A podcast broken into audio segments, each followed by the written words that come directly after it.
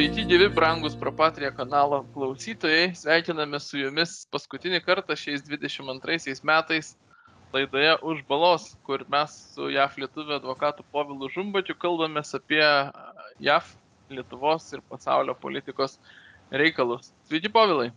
Labas, Vytautai.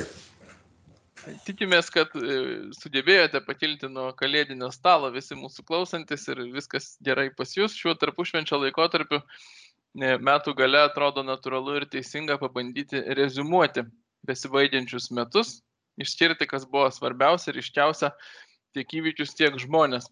Ir pagal mūsų laidos formatą pamėginsime į tai pažvelgti. Atsiprašau už kosulį. Pamėginsime pažvelgti tiek globaliu, tiek ir nacionaliniu mastu. Taigi, povilai, ilgai negaiždamas aš ir noriu klausti jūsų manimų svarbiausi 22 metų politikos įvykiai pasaulyje ir JAV. Pirmiausiai pasaulyje aš manyčiau, kad Ukrainos karas, rusų karas e, prieš Ukrainos žmonės ir valstybę, pirmas toks didelis Europos karas per 77 metus turbūt yra pats svarbiausias šių metų įvykis. Nėra, nėra bejonės, kad turbūt visi sutarsim, aš tai tikrai galiu tik pritarti dėl to vieno svarbiausio. Čia bandant išreikiuoti kitus, kitus, kas galėtų būti po to, gali atsirasti vietos daugiau. Na, nežinau, požiūrį išsiskyrimams aš manau, kad ką Ukrainos karas daugiau parodė, tai yra tarptautinį pasimetimą. Dalinai suvienijo NATO, tuo pačiu Kinija remia Rusiją, o Kinija yra turbūt pavojingiausias kraštas pasaulyje šiuo metu. Jie remia tiesioginiai ir netiesioginiai rusų ėjimus bet atrodo, kad neremia kariniais ginklais ir panašiai. Bet ką parodė, aš manyčiau, dar pailustravo Rusijos silpnybę. Pasirodo, kad Rusijos kariuomenė yra antro ir trečio lygio kariuomenė, kuri labai panaši raudonoje armijoje, kuri užėmė rytų Europą ir buvo praktiškai banditų gauja, kuri plėšė žmonės, žudė žmonės, a, nebuvo motivuoti kariauti, buvo civilizuoti ir net reikėjo tais laikais turėti smerš ir kitas organizacijas grasinti kareivius kariauti. Ir atrodo, kad tas pats yra su Putinu. Jo kareiviai dabar yra iš kalėjimų surinkti banditai ir nenori kariauti ir užpakalį jų yra buvę kegebistai, verčia kariauti. Ir nežinia, kad kas pavojingiau yra kareiviam rusų, ar ukrainiečiai, ar jų patys žmonės užkulise. Taip labai daug panašumų tarp šio Ukrainos karo ir 44 metų, 3 metų rusų raudonosios armijos elgesį. Iš tikrųjų, tai, ką ir jūs palėtėte, aš norėčiau truputį išplėtoti, labai daug praregėjimų atnešė šitas karas, be abejo, siaubinga to kaina, bet vis dėlto E, tikrai daug ką, žvelgiant iš mūsų taško, bent jau iš vidurio Europos ir ypač tikiuosi, kad iš vakarų Europos ir JAV, e, visai kitaip atsiskleidė Rusija, ar ne, atsiskleidė Rusija pirmiausia kaip silpnesnė, negu kad atrodė, gerokai silpnesnė. Čia jau į antrąją pusę, likščiol praėjusio karo metų pabaigoje, bent mūsų regione, stipriai išryškėjo, kokia vis dėlto butaforinė yra ta vadinamoji demokratinė liberali Rusijos opozicija labai daug būdavo vilčių Lietuvoje ir aukščiausių politinių lygių, kad vat, reikia ją remti. Tas pats beje apie Baltarusiją, kad reikia remti tą demokratinę poziciją ir iš jos kažkas gali išeiti. Mano galva, dviejų lygių klaida tiek ta demokratinė Rusija yra nelabai, jie yra prielaidų. Toks miražas, bet kas dar svarbiau, net jeigu būtų demokratinė Rusija, tai Rusijos demokratai tiesiog nori skaidrumo, mažiau korupcijos, daugiau pilietinių laisvių ir taip toliau bet visi jie išskyrus labai retas išimtis yra imperialistai. Tie patys imperialistai. Ir, ir tas lūkestis, kad demokratinė Rusija būtų saugi ir sugyvenama kaimynams, e, na, bent jau sakyčiau Lietuvoje, ypač pastaruoju metu į metų pabaigą, vis labiau šitas įsivaizdavimas ryštėjo kaip nepagristas. Demokratinė Rusija nereikštų nebe imperinės Rusijos, ji vis tiek būtų imperinė ir, ir santvarka negali išspręsti šitos problemos. Turbūt tenka likti, bent aš lieku prie to, kad Rusijos kaip agresorės problemą gali išspręsti tik jos pajėgumai arba jų nebebuvimas, jos nusilpimas. Aš norėčiau pastebėti Vytautai, tai, kad yra, mes ga, neužmirškim, kad yra tūkstančiai aštuotų žmonių, kurie nu, įsivaizduoja kitokią Rusiją. Jie yra arba išžudyti, arba kalėjimuose, kaip politiniai kaliniai.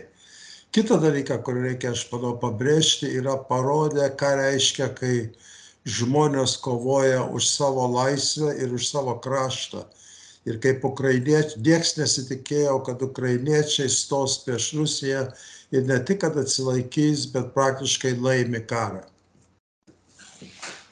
Iš tikrųjų, jeigu Rusija nustebino, na, kaip čia blogąją prasme, tai, tai Ukraina nustebino gerąją prasme. Daug buvo, na, iš pradžių turbūt tikėtasi, kad ji net nepasipriešins, o jeigu pasipriešins, tai kaip ir patys Ukrainos analitikai sakė, tai pasipriešins gal tik partizaniniu karu, o atsilaikė institucijos atsilaikė atsilaikė valstybė kaip aparatas ir sugebėjo priešintis ir priešintis labai gerai. E, sakyčiau, ne tai, kad nustebino, bent mūsų turbūt nenustebino, bet yra nemaža dalis žmonių, kuriuos e, gal ir nustebino ir atsiskleidė vis dėlto demokratai, kaip netokie ir dideli laisvės rėmėjai pasaulyje. Aš čia kalbu apie Bideną ir, ir, ir JAV valdančią partiją. E, nežinau, kok, koks yra jausmas ir atmosfera pačiose JAF, jūs man papasakosit, bet čia pas mus, sakyčiau, tvyro jausmas tų, kas domisi karu ir, ir, ir stipriųjų šalių laikysena, tai kad JAF vis tiek rezervuotai žiūri atsargiai labai ir, ir nenori žengti tų žingsnių, kurie galėtų padėti Ukrainai laimėti. Lendlizas nejuda, nors galios ir yra suteiktos ir čia, na, negali sakyti įdomu, E, bet vis dėlto tvyro toks jausmas, kad e, tai, kas vyksta fronte, e, ukrainiečių ar pergalės, ar bent atsilaikimas, tai aišku leidžia jiems išsilaikyti, bet tai negali nulemti savaime sprendimo JAF ir kitiems NATO galingiesiems vis dėlto imti žingsnių, kurie padėtų laimėti. Nes pagrindinis dalykas yra baime, o kas bus su ta Rusija, jeigu ten kažkas žlugs, jeigu jie pralaimės. Nuo pirmų dienų, Vytautai, tiksliai sakai, nuo pirmų dienų Amerikos valdžia, Biden valdžia reaguoja, nevadovauja. Ir ta baime, kad užrūstins Putiną. Putinas žudo masiniai žmonės. Taip kaip žudė Hitleris ar Stalinas. Ir, o, o Vašingtone ponai susėdę bijo supykinti Putiną reaguoja, ne, nevadovauja. Ir, ir Putinas tą aiškiai mato. Ir aš manau, kad čia parodo vakarų silpnybę, kadangi nei Europoje, nei Amerikoje nėra tikrų lyderių.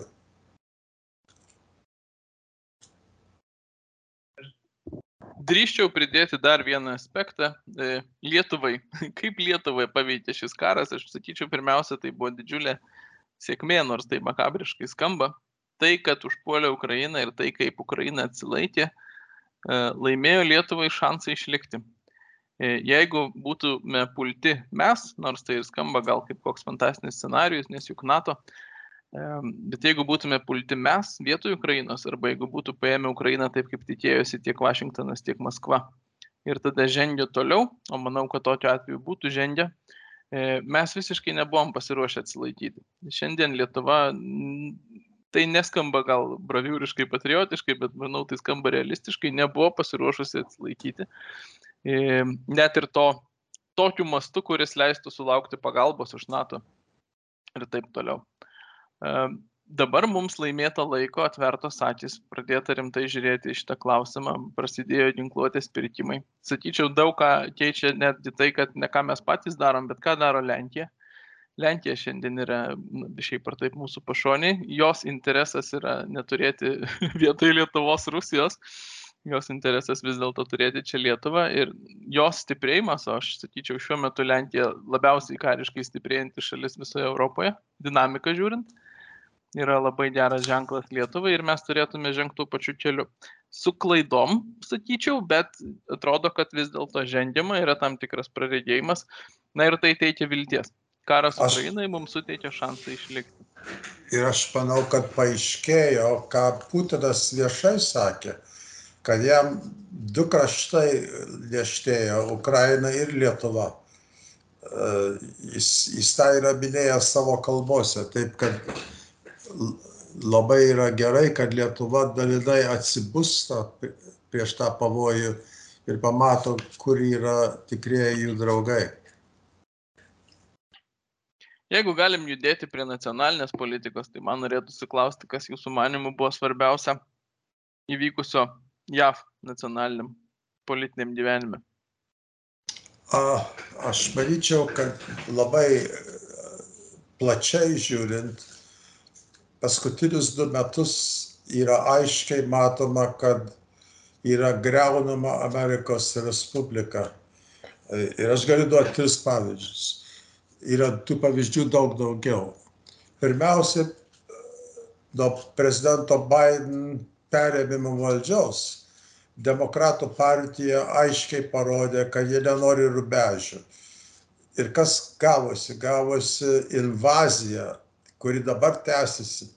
Šimtai tūkstančių milijonai žmonių, net virš 5 milijonai žmonių neteisėtai perėjo rubežių ir tas rubežius tarp Meksikos ir Amerikos yra praktiškai neegzistuoja.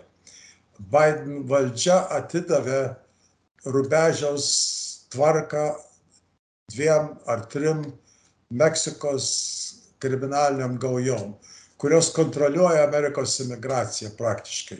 Ir aišku, ten ateina ne tik tai imigrantai neteisėti, bet ateina narkotikai, ateina teroristai, ateina visa, visa kas bloga Amerikai. Kai tai vienas pavyzdys. Kitas labai svarbus pavyzdys yra kaip demokratų partija, kurią perėmė atstovų rūmose maža grupė marksistų ir be jų negali pravesti statymų, tai demokratų partija nusilenkia ekstremistam, mar, socialistam, marksistam ir net tiem, kurie nekenčia Amerikos. Senate yra du senatoriai, kurių užtenka visą demokratų partiją pasukti kairę, būtent Sanders ir Warren.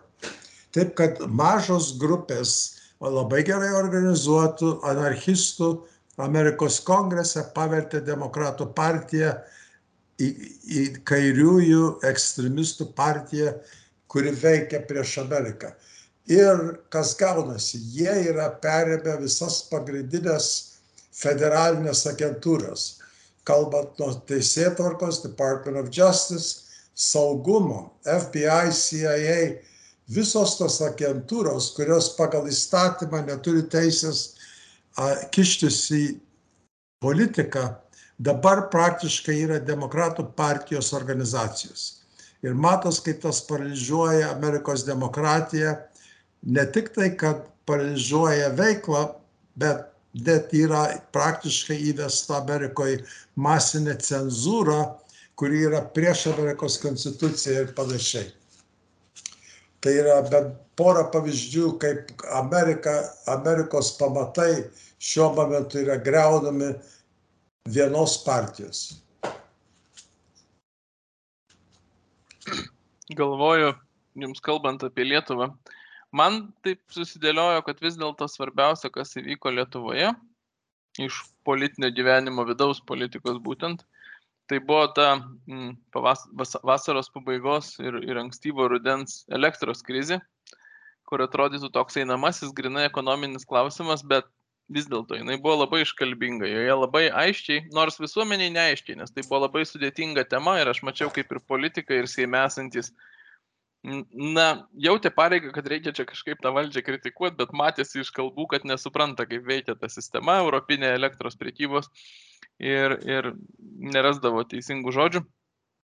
Bet nepaisant sudėtingumo, ta, ta, tai buvo ta tema, kurioje e, kaktomuša susidūrė visuomenės, vartotojų interesai ir siaurų lobistinių grupių pastangos išsaugoti tą esamą tvarką, kuri labai labai siauriems sektoriams buvo, labai, buvo ir yra labai pelninga. Ir Lietuvos valdžia nuėjo tuo keliu, kad tiesiog sumažinti skausmą elektros sąskaitų kompensacijomis skirtingoms visuomenės grupėms skirtingo dydžio aš nežinau, kiek truks ir ar pavyks žmonėms suprasti, kad kompensacijos iš biudžeto tai yra jų pačių sumokamas dalykas, tiesiog dalį kainos sumoti pats tiesiogiai tiekėjai, o kitą dalį sumoti per mokesčius valstybei. E, kol kas netrodo, kad tai suprastų, nes tų kompensacijų užteko ir visuomenė nurimo tą temą, yra patenkinta. Bet iš esmės, tai aš dabar nepasakysiu tikslių skaičių, bet milijardai eurų čia lėmėsi, ar bus iš, išleisti vėjais iš valstybės biudžeto ir vartotojų kišenių ar ne.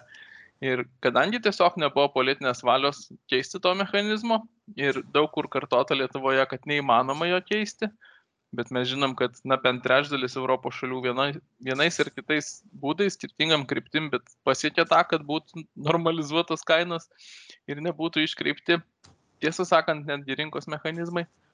Tai tai ganėtinai gerai parodė vis dėlto nežinau, koks šis žodis tinka, ar, dabartinė, ar dabartinės valdžios, ar apskritai Lietuvoje valdžių, nes tai tendencingai ir ne per daug keičiasi, keičiantis valdžioms, nesugebėjimą ginti visuomenės intereso, viešo intereso prieš, na, va, kokius nors ar ten didžiųjų priekybos centrų, ar šiuo atveju atsinaujinančios energetikos gamintojų, ar, ar dar kokių siaurų grupių interesus.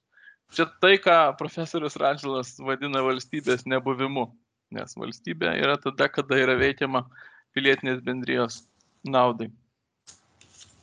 Mums sunku susigaudyti iš vakarų, iš šios pusės prūdo tas visas detalės, ypatingai dėl energetikos Lietuvoje. Bet kiek aš pastebėjau apie 31 metus Lietuvos nepriklausomybės, kad dalinai Lietuvoje yra nesuprastas ekonominis principas kapitalizmo versus socializmo ir čia kita plati tema, kur reikės palies sekančiais metais, bet aš manau, iš to kyla didelis nesusipratimas. Amerikoje, tai leiskim, tas pats vyksta, Lietu... Amerikoje aiškiai yra Biden vedama į socializmą ir tas matosi iš finansinės fiskal tvark, betvarkės. Praktiškai Amerikoje dabar, kurios doleris yra pasaulio valiuta laikinai, jeigu Amerikos finansinė sistema sugrius, sugrius visą vakarų pasaulio ekonominę sistemą. O kas dabar dėlas Amerikoje? Amerikos kongresas, demokratų valdomas, per paskutinius du metus išspausdino tiek daug Amerikos dolerių, kad nebesusiskaičiuoja. Ir praktiškai kas gaunasi, kad Amerikos kongresas paskutinius du metus visai atsisakė bet kokios atsakomybės už finansinę tvarką. Bet atsiminkit, jeigu Amerikos doleris kris, jeigu valiuta, ne, Amerikos doleris nebetaps pasaulio valiuta, visam pasauliu bus masinė finansinė krizė. Ir dabar, kai amerikonai išleidžia trilijonus dolerių praeitą savaitę išleido beveik 2 trilijonus dolerių. Kongreso atstovai balsavo už įstatymą išleistos pinigus neskaitę įstatymo terminų. Įstatymo tekstas yra 4158 puslapiai.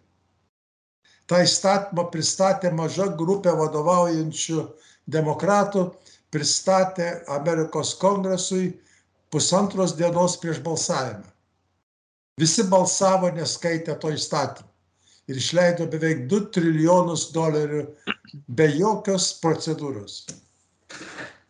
Čia yra milžiškas pavojus mažesniu mastu, bet panašiai vyksta su Vilniaus biudžetu, kuris yra milijardas, bet, bet irgi vėlyvi pateikimai nesusipažinę politikai, kurie posėdžiuose tą net atvirai pasako. Dar vienas skirtumas yra, kad Lietuva nespausdino euros. Lietuva nespausdina euros, bet Lietuva mielai naudojosi tą politiką europinę. Europa spausdina euros, Briuselis e, tą daro, e, centrinis bankas ir, ir Lietuva mielai tame dalyvavo ir skatino ir dabar jau pasikeitus finansiniai aplinkai ir, ir pakilus skolinimosi kaštams, palūkanoms, vis tiek nutarė, kad e, iš didžiausios Europoje infliacijos, kokia yra Lietuvoje, geriausia yra vaduotis skatinant, kad būtų daugiau pinigų Lietuvos ekonomikoje ir dėliojant deficitinį biudžetą, kurio išlaidos viršys pajamas. Na, kitaip sakant, duotim žmonėm daugiau pinigų ir ne va tai kažkaip sustabdys infliaciją. Na, ji tik. Veikia atvirkščiai. Taigi, taigi. Galvoju, mes turėtume turbūt pajudėti ir prie žmonių, metų žmonės. Ar tai yra taip pat aišku kaip metų įvykis? Turbūt natūraliai dėliojasi metų pozityviai metų asmenybė ir, ir negatyviai metų asmenybė. Kaip Ką pats siūlytum?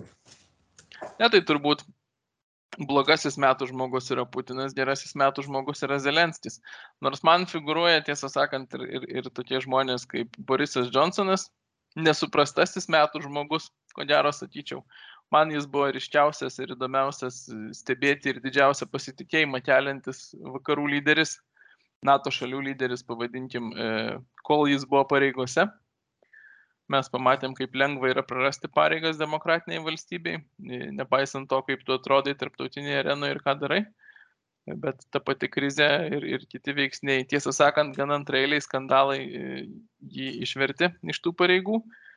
Tikiuosi, šiaip jau gan ramus esu, kad Britai vis tiek laikysis linijos geopolitiškai teisingos, žiūrint iš mūsų perspektyvos, bet viena yra laikytis linijos, o kita yra na, sugebėjimai lyderystės, ar ne, išjudinti kitus, sutelkti kažkokiam bendram veiksmui. Tai Johnsonas tą turėjo, aš manau, kad liko pakankamai neįvertintas, manau, kad yra praradimas, kad jis prarado tą postą ne tik Britams, bet mums, esantiems ypač ties NATO rytinė siena. Ir be tų, kur savaime akivaizdus, Zelenskio Putino, tai manau, kad verta išskirti ir jį. Mano, man, aš sutinku dėl Putino ir prie jo pridėčiau Či, Kinijos diktatorių. Dėl Boris Johnson aš truputį skiriuosi nuomonę, bet man yra du nematomi žmonės šių metų tikrieji herojai. Aš įsivaizduoju Kiniją kaip didžiausią pavojų pasaulio laisvai komunistų partija Kinijoje dabar yra pereina grinai į stalinistinę sistemą.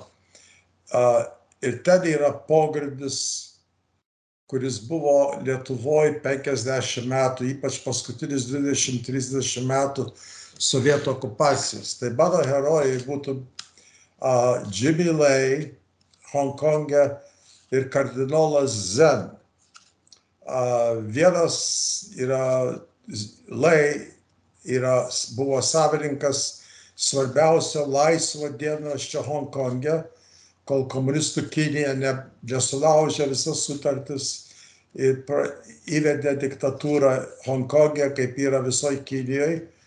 Ir jį pasodino į kalėjimą, nors jis galėjo išvykti, žinojo, kad jį areštuos, žinojo, kad jį kaltins bet jis sėdi kalėjime iš principo ir atrodo sėdės visam gyvenimui. Ir Kinija net nesutinka jam pasisamdyti užsienio iš Anglijos advokatus, kurios pagal Hongkong teisę jis turi tą teisę padaryti. O kardinolas Zen yra Kinijos katalikų bažnyčios pogrindžio vadovas, areštuotas už tą, kad jis nesilaiko Kinijos religijos įstatymų, kurios, tarp kitko, dalinai prisidėjo Vatikanas su, Sovietų, su Kinijos valdžia. Zen eina į tą pogrindinę katalikų bažnyčią labai panašiai, kaip buvo Lietuvoje kardinolo Tamkevičiaus ir visko po Bortos katalikų kronika, kuri veikia labai efektingai principingai ir buvo Sovietų sąjungos didžiausias tai KGB tai, taiginys. Tai dabar jaučiasi tas pats vyksta Kinijoje, kas vyko Lietuvoje per 50 metų ir kas dabar vyksta Irane ir kituose kraštuose, kur yra diktatūra, yra žmonių pogrindžiai, kurie bando sukilti prieš diktatūras. Ir aš manau, tie žmonės mums yra tikri herojai. Tikrai galiu tik pritart. Apskritai, kardinolas Zen, aš manau, čia daugam nežinomas yra iš mūsų skaitytojų, klausytojų.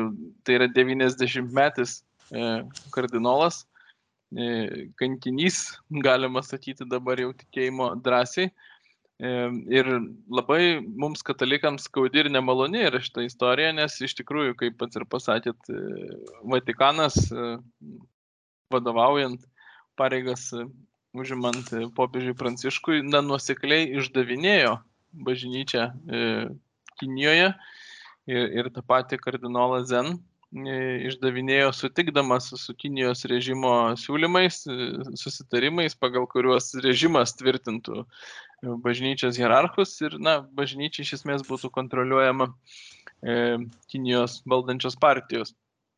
Aš tai, vis dėlto nesutikčiau, kai yra aš neišdavinėja, bet aš manau, kad bando, Vatikanas bando dabar, kai bandė per sovietų okupaciją Lietuvoje, bandė diplomatiniai įtikti diktatūrom ir tuo nusileisti, įsivaizduok, kad komunistų partija, kuri yra ateistų partija, dabar su Vatikanu patvirtina viskupus. Tai panašiai būdavo Sovietų sąjungai. Ir tas yra, tai yra nes didžiausia nu, nesąmonė, mano manimu. Ir tie kardinolas Zen, panašiai kaip Tamkevičius ir kiti Lietuvos katalikų pogrindis, tikroji bažnyčia, kovoja už tikėjimą, už tikrą laisvę tikėjimui ir panašiai. Tai mano manimu yra didelis, didelis judėjimas, svarbus judėjimas, kurį turėtume visais būdais remti. Aš pritardamas gal tik paaiškinsiu, kodėl tokį aštrų žodį vartoju. Mano galvas skirtumas gal tas, kad e, sovietų okupuotos Lietuvos e, bažnyčios, na, ne tik hierarchai, bet ir apskritai drąsiausi kunigai, jie niekada nekritikavo Vatikano už kažkokį konformizmą jų atžvilgių. Jie nuolat na, bandė remtis ir nebuvo pastangos kažkokiai atvirai kovai. E, prieš režimą įveliant Vatikaną į tą atvirą kovą.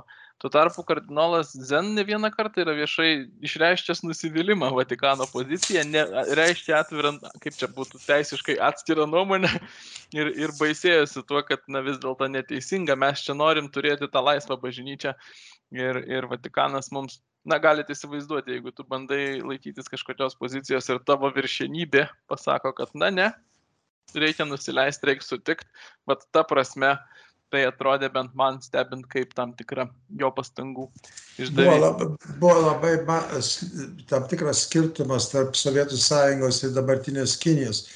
Atsimink, katalikų bažnyčia veikė, buvo šimtai bažnyčių, gal tūkstančiai ir buvo milijonai katalikų, kurie lankydavo tas bažnyčias ir staiga komunistų partija tarėsi su Vatikanu įsteigti antrą sistemą. Pripažinti kitas bažnyčias, ne tas, kurios veikia. Tai buvo konfrontacija tarp veikiančios bažnyčios ir naujos sistemos. Ir to aš manau, kad jie drąsiau pasisakė prieš Vatikaną. Tikrai taip. Galvoju dabar trečias aspektas mes pakalbėjom apie įvykius, pakalbėjom apie žmonės. Ir jeigu pabandytume paklausti taip, ar yra kažkokios, na, struktūrinės, jeigu tinka tas žodis, valstybių įdos, kurios kamuoja ir išriškėjo pastaraisiais metais. Ar galima tokia įvardinti, kalbant apie JAV? Aš manyčiau, kad aiškiausia įda tai Amerikos kryptis į socializmą. Ir tas praradimas tvarkos miestuose, kur praktiškai kriminalai yra perėmę miestus, praradimas rubežių, praradimas atsakomybės finansinės ir valdžios įsivėlimas į cenzūrą per Twitter, per Facebook ir kitus būdus, kur yra aiškus nusikaltimas Amerikos konstitucijai ir Amerikos įstatymams. Tai ta kryptis Amerikoje yra labai, labai pavojinga kraštui. Aš net nežinau, ar galės tas laivas apsisukti ateityje. Man aišku, tos pačios tendencijos e, yra labai neraminančios, bet turiu pripažinti, kad Lietuvoje jos dar tiek toli gražu nesijaučia, kaip jaučiasi JAV. Ačiū Ir- Dievui. Tai ką, tai ką, nors čia staptelčiau pasakyti, kad dabartinė vyriausybė jas turbūt pajudino labiau negu bet kuri ankstesnė iš tikrųjų. Ir jeigu kažkas bus istorijoje įstrigęs kaip davęs pradžią šitiem procesams Lietuvoje, tai aš manau, kad tai bus dabartinė valdžia. Bet galbūt taip nebus, labai tikiuosi, kad nebus ir yra vilties, kad nebus. E, Kas mane ir tam, kad nesikartotume, bet ir iš tikrųjų nuoširdžiai, e, kas mane neramina ilgalaikėje perspektyvoje, kalbant apie Lietuvą, tai mūsų tiesiog išlikimas. E, Ne tik karinis, bet e, demografinis ir gal ir net taip reiktų sakyti intelektualinis. E, Kodėl? Būtent šie pastarieji metai, 22 buvo metai, kai vėl plačiai nuskambėjo jau aną dešimtmetį linksniuota tema, kaip greitai Lietuva nyksta. Per COVID jau buvo apsidžiaugta dėl emigracijos tokio sustojimo, kad nustojam būti išvažiuojanti šalis, dabar jau reikia tik gimstavumą spręsti. Dabar vėl yra ta pati problema, tai yra jos abi. Ir gimstamumas yra labai mažas, žemas, ir, ir emigracija vėl didelė. Ir, ir vėl mes esam ta greičiausiai nykstanti ten su dar pora šalių, kaimynais Latvijais ir dar kažkuo iš trečiojo pasaulio konkuruojantis dėl to titulo, kad nykstam greičiausiai pasaulį. Ir tai yra problema, apie kurią, na, niekaip, ne, niekaip netampa svarbi mūsų politiniam gyvenime. Apie ją nuskamba, kai jungtinės tautos paskelbė kokią ataskaitą, apie ją nuskamba, ten parašo porą straipsnių, pakalbina visada tą pačią profesorę. E, Gerbiu tą profesorę, viskas gerai, tuo nenoriu pasakyti, kad jos interviu ne- nevertingi, bet tema nesusilaukė rezonanso, kurio šiaip jau turėtų prašytis. Nes tas faktas būti greičiausiai nykstančia tauta yra, na, toks, turėtų kelti egzistencinį siaubą, bet nekelia nieko mūsų politiniam gyvenime. Ir jį lydi kai kurie panašus dalykai, sakyčiau, aš nežinau, ar čia galima taip tiesiai išvelgti ryšį, bet man tas ryšys matosi. E, Pavyzdžiui, tai kaip yra žiūrima į švietimą. Daug yra, priešingai negu apie demografiją, apie švietimo būklę ir prastus Lietuvos mokinių rezultatus tarptautiniuose tyrimuose e, yra daug kalbama, trimituojama, kad yra bėda su tais rezultatais, kad silpnėja mūsų kognityviniai gebėjimai ir mūsų pasirodymai, ypač matematikos, bet ir kitose sritise. Ir kad reikia kažką daryti, valdžios reakcija į tai yra ir vėl čia ne tik šios valdžios, čia testinė reakcija, e, toks atsargus bandymas žemint kartelę. Šiais metais buvo labai labai blogi matematikos valstybinio egzamino rezultatai, tada praėjo vasara ir po kelių mėnesių nuskambėjo ar nutekėjo į viešumą, dabar tiksliai nepasakysiu siūlymai, kad tai gal reikia matematikos egzaminą nebeprivaloma daryti, ar ten pakeisti reikalavimus ir tie supras rezultatai bus netokie blogi. Žodžiu, problemos slėpimas, bėgimas nuo jos, o ne nepripažinimas, kad šiaip ir taip ta situacija blogėja. Buvo tyrimų ir tai iš vis baisiai nuskambės, mes negalim taip liūdnai užbaigti šių metų, todėl reikia dar kažką pagalvoti, bet buvo tyrimų apie tai, kad Lietuvoje IQ vidurkis yra tiesiog žemiausias iš Europos šalių. Ir tai, na, negali netrodyti rimta. Tai va tokios, tokios ilgalaikės bėdos mane gazina ir aš manau, kad šiais metais jos išlindo Lietuvoje ir abejingumas joms yra baisiau už jas pačias. Bet Vytautai, aš pastebėkim, čia nėra tik Lietuvos padėtis, čia yra bendrai vakarų, vakariečių ir bandymas prieiti prie globalizmo, ne, aklai žiūrint į pasaulį. Dominuojanti ekonomija ir civilizacija ateina iš komunistų Kinijos. Įsivaizduokit, kad Kinija pasisakytų prieš patriotizmą arba prieš tautiškumą. Ten yra tautiškumas, jų sienos yra apsaugomas, jų tauta yra apsaugoma. Tas pat, tą patį daro dar ir Putinas. Amerikoje dabar, daleiskim, Stanford universitetas išėjo su naujo žodžiai, terminologija, kurią turėtų naudoti akademijoje. Ir pirmas įsakymas buvo nebenaudoti žodį American nėra amerikonai, būkit piliečiai. Tai kai Adamkus sakydavo Lietuvoje, kad ne, nežiūrėkit tautybę, žiūrėkime pilietybę. Ir su pilietybė Lietuva tampa tik tai vienas kampelis Europai, kuris neturi savo identiteto. Ir tai būtų didelis nuostolis. Tai aš manau, kad pakalbėsim kitais metais apie visą tai. Tai yra toks platus klausimas, kurį aš suveščiau gal į tokią formulę. Ar, ar jautiesi, kad turi ką saugoti ir dėl ko išlikti? Nes Europoje ir turbūt ir JAV dabar yra daug to jausmo, kad mūsų buvimas savaime, mūsų kaip kultūros, kaip civilizacijos, kaip šalies nėra toks jau ir vertingas. Ir, ir na, jeigu neliks mūsų lietuvių, tai kažkas juk gyvens visi mes žmonės. Čia to globalizmo tokia praktinė išraiška, kuri atkelia vartus tam susitaikymui su va, demografiniam problemom ir panašiom. Mes per daug liūdnai užbaigėme metus. aš, spė, aš spėčiau, kad dar Lietuvoje per daug kraujo yra išlieta Lietuvoje dėl nepriklausomybės ir dėl išlaikymo tautos, kad tauta taip nyktų. Tikėkim, kad bus geriau. Tikėkim. Aš manau, kad apskritai niekas, niekas nėra baigta tiek Amerikai, tiek Lietuvai toli gražu yra, yra dar daug jėgų ir noro, kad tos tendencijos neigiamos, apie kurias kalbam, keistusi. E, kartais dideli mūšiai vyksta, o kartais ir nuo mažų dalykų viskas prasideda. Aš leisiu savo pareklamuoti ir jums, povilai, ir, ir klausytojams, kadangi ir šiapus balos Lietuvoje yra klausančių.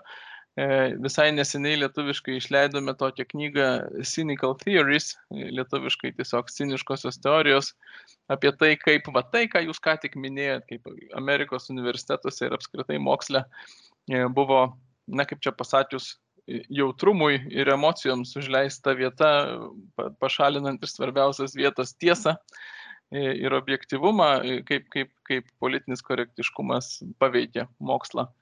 JAV, kaip atsirado visos tos saugios erdvės ir, ir atsargumas kalbėti apie vienus ar kitus dalykus ir į kokias makabriškas formas tai išsigimsta aš manau kad ta knyga lietuvos visuomenei dar truputį ankstyva ta prasme kad problemos dar nesimato mūsų kasdienybėj tu turi virti akademinėj virtuvėj kad suvoktum e, problemos aktualumą bet mm, kartais norisi aplenkti laiką e, ir, ir tada galėti pasipriešinti ir žengti žingsnį prieki, kol dar tos problemos neįgauna didelio masto.